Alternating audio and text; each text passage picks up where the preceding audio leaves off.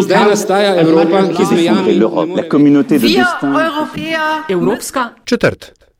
I don't know why you are becoming nervous when you are speaking about the European Union. Spoštovane in cenjeni, dobrodošli v Evropski četrti podcast o vsem, kar vas bo zanimalo o Evropski uniji, pa niste vedeli, koga vprašati. Podcast vodi vam Nataša Briškim, urednica Metine Liste in Aljaš Pengov Bitens, urednik Radia Chaos. Evropska četrt domuje na spletni postaji metinalista.si v vašem nabiralniku, pa sveža epizoda vsak drugi ponedeljek. Ta je že deseta po vrsti. Tema tokratne Evropske četrti je reforma avtorskega prava. Sliši se precej zakomplicirano in tudi zares je. Način, kako ustvarjamo, produciramo in distribuiramo vsebine danes, je namreč precej drugačen od tega, kako je vse skupaj delovalo pred digitalno revolucijo. Na trgu so novi ponudniki storitev, spreminjajo se tudi poslovni modeli. Zakonodaja je stara oziroma izzivov, s katerimi se spopadamo danes, ne naslavlja več na ustrezen način, zato je reforma nujna. Modernizirati je treba pravila, da bodo v skladu s časom. Kakšna bo, je ta trenutek še stvar pogajanj. O tem, kje se lomijo kopja in zakaj nas mora reforma še kako brigati, se pogovarjamo z dr.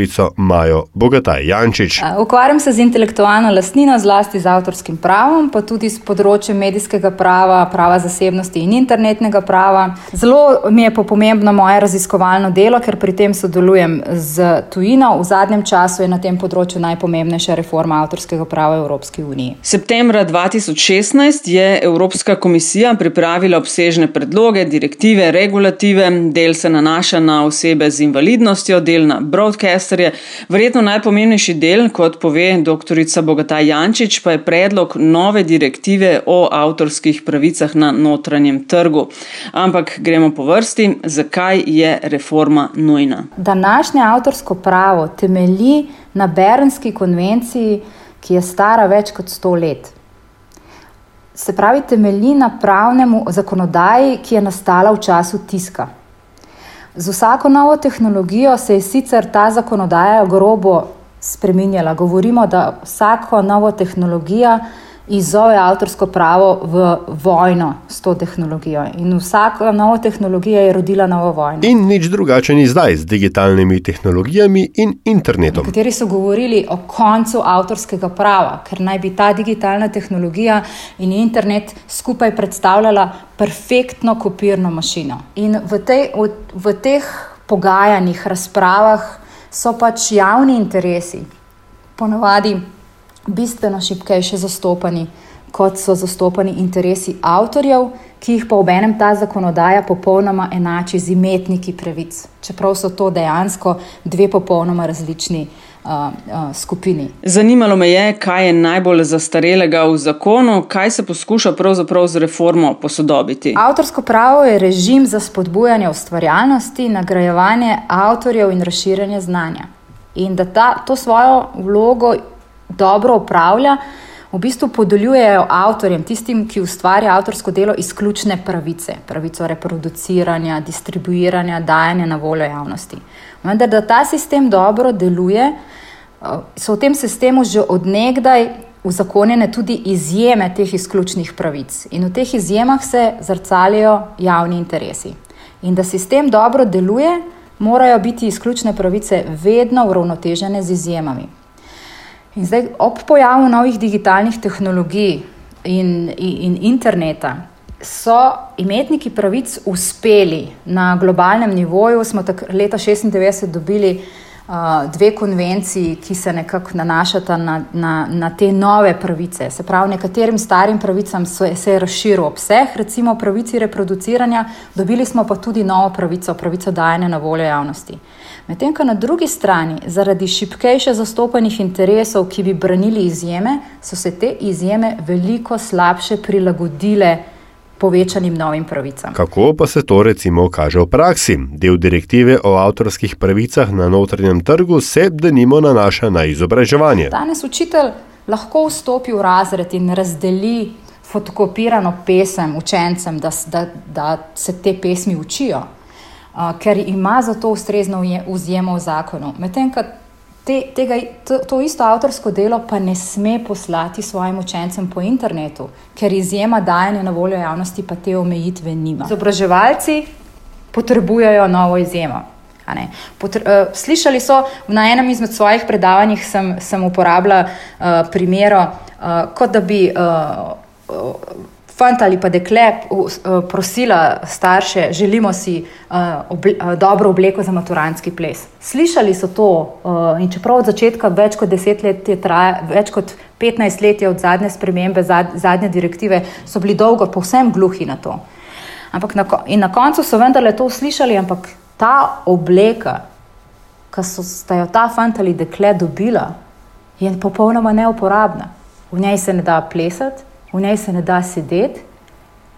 Z njo nihče noče na maturantski ples. Kako široka in kako prosta bo uporaba v izobraževanju, da ne bo treba vsakič znova, ko bi učitelj ali učiteljica kaj pošiljal okoli, pravno presojati, ali je bilo vse po regalcih, bo odvisno od te reforme. Se pravi, izjema ja, kakršna je zdaj, pa doktorica Bogata Jančič pravi, da je popolnoma neuporabna. Največji problem je, da v državi članici, kjer bodo na trgu z, z licence za, ta, za te izobraževalne namene, ta vzjema sploh ne bo obvezna. Se pravi, jo, jo država niti ne bo nujna, da jo bo zakonila. Potem recimo seznam tistih, kateri bodo lahko koristili to izjemo, je preozek.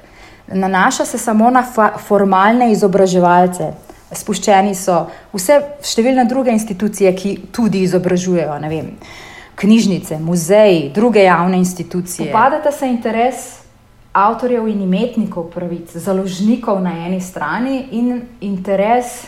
Uh, družbeni interes po kvalitetnem izobraževanju, prilagojenem novim tehnologijam, in tukaj bo, bi morali zakonodajalci pritehtati. Če si predstavljam, da sem jaz avtorica, kaj zvem, neke knjige, pesmic ali česar koli, um, ampak meni bi to moglo biti fajn, ne? ali zakaj bi me mogel brigati javni interes? Um, zato najverjetneje, ker čeprav, je, čeprav je nekdo uspešen pesnik in ustvarjalec, ima najverjetneje tudi otroke, ki hodijo v šolo. In si najver, najverjetneje želi, da njegovi otroci ali pa njegovi v osnovni šoli, v srednji šoli ali pa potem na univerzi, da se učijo na način, ki je prilagojen današnjim časom. Uh, jaz si ne želim, da moj otrok uh, na popolnoma sodoben način uživa vsebine doma, v šoli pa vse poteka na star način. Ne bi si želela tazga sveta, ker v končni fazi moj otrok hodi v šolo zato, da bo pripravljen na resnično življenje. In najverjetneje se vsi strinjamo, da uh, je uh, sodobno izobraževanje ključno. Veliko prahu dviguje predlog 11. člena, na kaj točno pa se nanaša? Nanaša se to na novičarske agregatorje, na search engine in vse druge, ki zbirajo in delijo linke na članke, uh, ki, na objavljene članke. Po domače, med tistimi, ki, ki o tem govorimo, je to linking tags. Ki ga je že uvedla Španija, in takrat je Google v bistvu sklopil španske založnike uh, uh, iz Google Searcha. Zdaj, ideja, zakaj bi bila takšna pravica koristna, temelji na tem, da naj, da naj bi v bistvu zlasti te uh, novičarski agregatori v bistvu posegali v poslovne modele, zla, škodljivo posegali zlasti v poslovne modele tiskanih medijev. Čeprav, in poudarek je na naj bi, v javnost so prišle študije, ki kažejo, da temu ni tako. Julija Reda, poslanka Piratske stranke, je pri tem najbolj aktivna. Na podlagi številnih zahtev po informaciji javnega značaja je ugotovila, da Evropska komisija ne objavlja vseh študij, ki jih sicer naroča pri znanstvenikih. Prišlo je na dan, da je Evropska komisija naročila študijo, ki se nanaša ravno na to, kako agregatori zmanjšujejo dohodke uh, uh, tiskanim medijem, ampak ta študija to ne potrjuje.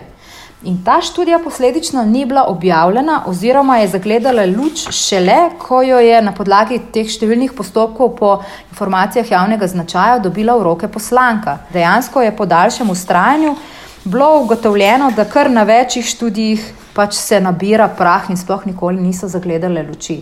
Kaj to še dodatno pomeni? Da ni ekonomskih in empiričnih rezultatov za utemeljitev te pravice. čeprav bo korenito spremenila internet oziroma določ, določeni linki bodo v prihodnosti onemogočeni, zato ker si določene zlasti manjše platforme ne bodo mogle privoščiti razčiščevanja teh pravic. Kopija se torej lomijo na tem davku za linkanje, ampak ne samo to. Sporen, opozarja doktorica Bogataj Jančič, naj bi bil tudi 13. člen, ki govori o cenzuriranju. Nekaj podobnega se je obetalo v času, ko smo se, ko smo se pogovarjali o akti, to me pa seveda najbolj skrbi ker lahko korenito spremeni internet. Targetirane so internetne platforme, ki gostijo velike količine vsebin, ki jih tja naložijo uporabniki. In te internet platforme bi na podlagi te določbe morale nadzorovati obnašanje uporabnikov in filtrirati te njihove vsebine, ki jih tja gor nalagajo tako da, identifi da jih to identif da identificirajo potencijalne posege v avtorske pravice in jih seveda tudi preprečujejo. Poglejmo to v počasnem posnetku še enkrat. Recimo, da bi določena spletna stran, kjer gosti portfolio nekih vsebin, recimo fotografij, in če bi neki imetnik pravic zahteval, od, od njih, da, da odstranijo določeno vsebino, bi od takrat naprej morali vsa, vso vsebino stalno nadzirati, jo spoznavati, za kakšne vsebine gre in to tudi odstranjevati. Namen takšne zakonodaje je, da bi se izboljšal položaj glasbene industrije v pogajanjih z YouTubeom lahko kar direktno tako napišemo. Ne? Industrija verjame, da mora dobiti del dohodka, ki ga sicer generira Google. In kakšne posledice utegne takšna ureditev prinesti? Omejena je svoboda izražanja. Ker mašine, robotki, ki bojo odstranjevali te filtri, ki bojo odstranjevali te vsebine, ne bojo ločili med zakonito in nezakonito uporabo. Veliko izjem v avtorskem pravu pa meni omogoča večkrat uporabljati avtorsko delo na dovoljen, zakonit način. Recimo, če jaz parodiram, če karikiram, če to citiram. Če bom, čeprav bom na tak način to uporabljala, bojo bojo mašine to zaznale in bojo stvari odstranile. Problem je, da v avtorskem pravu trenutno lahko nekdo odstrani vsebino, če dokaže, da je imetnik avtorskih pravic in če dokaže, da je nekdo posegal v avtorske pravice. Tukaj se pa vse obrne. V debati o akti Uh, oziroma Pipi in Sopi, takrat v Ameriki, so do, te velike platforme za nekaj ur, da ne rečem dni, v protest takšni zakonodaji zatemnile svoje spletne strani, zato da bi se si uporabniki ja. bolj predstavljali, kaj nekaj tasga uh, pomeni. In kakšno stališče glede reforme avtorskega prava zastopa Slovenija? Medresorsko se usklajujejo na relaciji Urad za intelektualno lastnino, Ministrstvo za izobraževanje, Ministrstvo za kulturo in Ministrstvo za javno upravo. Nekateri so proti obema členoma, drugi za oba, tretji enega bi, drugega ne, tako da skupnega stališča ni. Oziroma, še ni. Slovenija je tradicionalno zelo naklonjena avtorjev in imetnikom pravic stoji na stališču, da je avtorska zakonodaja itak za avtorje in vse, kar dobijo uporabniki, je itak več kot naj bojo veseli, da sploh govorimo o, o izjemah za uporabnike. Vsaka interesna skupina je popolnoma normalna, da zastopa uh, svoj lastni interes, tako kot bo vsak starš branil interes svojega otroka. Vendar v tehtanju teh različnih interesov pa morajo institucije, ki so za to pristojne, uravnoteženo in neodvisno to pretehtati. Priloživa na strani direktivo, ki razburjam, če bi vas zanimale podrobnosti, sicer pa svetuje dr. Bogata Jančič, če se nam zdi, da reforma ne gre v pravo smer, potem je ena od poti naprej aktivno državljanstvo. Pokličite naše europoslance in poslanke, pišite maile, podsukajte jih za rokav na Twitterju in povejte, kaj vas moti. Stvari se še lahko spremenijo. Uh, doktorica Maja Bogata Jančič, najlepša hvala za pogovor. Nataša in Metina Lista, najlepša hvala za povabilo in uh, upam, da se nas bo čim več zbudil in nasprotovalo trenutnemu predlogu. Uh, poklicati poslance, pa še na dveh linkih, savedememe.net in savedelink, lahko nasprotujemo škodljivim predlogom, ki jih predlaga Evropska komisija. Preden pa se čisto poslovimo, pa še nekaj iz sveta zabave. Tale Wolfova knjiga uh, o stanju v Trumpovi administraciji zelo eksplozivna, in par dni kasneje je bila na Wikileaksu PDF free verzija. To, kar je zgodil, z, uh, naredil Wikileaks, je neupravičeno reproduciranje in neupravičeno dajanje na voljo javnosti določenega avtorskega dela. Uh, to, kar je nobena zakonodajna reforma, kaj tazga ne bo spremenila. To je nedovoljeno reproduciranje in nedovoljeno dajanje na voljo javnosti. Razen, če bi seveda, recimo v določenem izobraževalnem procesu, uh, uh, bili na voljo deli te knjige. Ampak to je nezakonito dejanje in imetnik pravice ima vso pravno podlago, da bi to preganjal. To je bila Evropska četrt. Predlogi, mnenja, pohvale in kritike so dobrodošli na infoafna.metina.si. Glasbena podlaga je delo audionautics.com, na družbenih omrežjih je uradni ključnik Evropska četrt. Če boste privoli, da naj ocenite v Apple Podcasts oziroma iTunesih, hvala vnaprej in hvala lepa tudi za vašo družbo. Se slišimo spet naslednjič.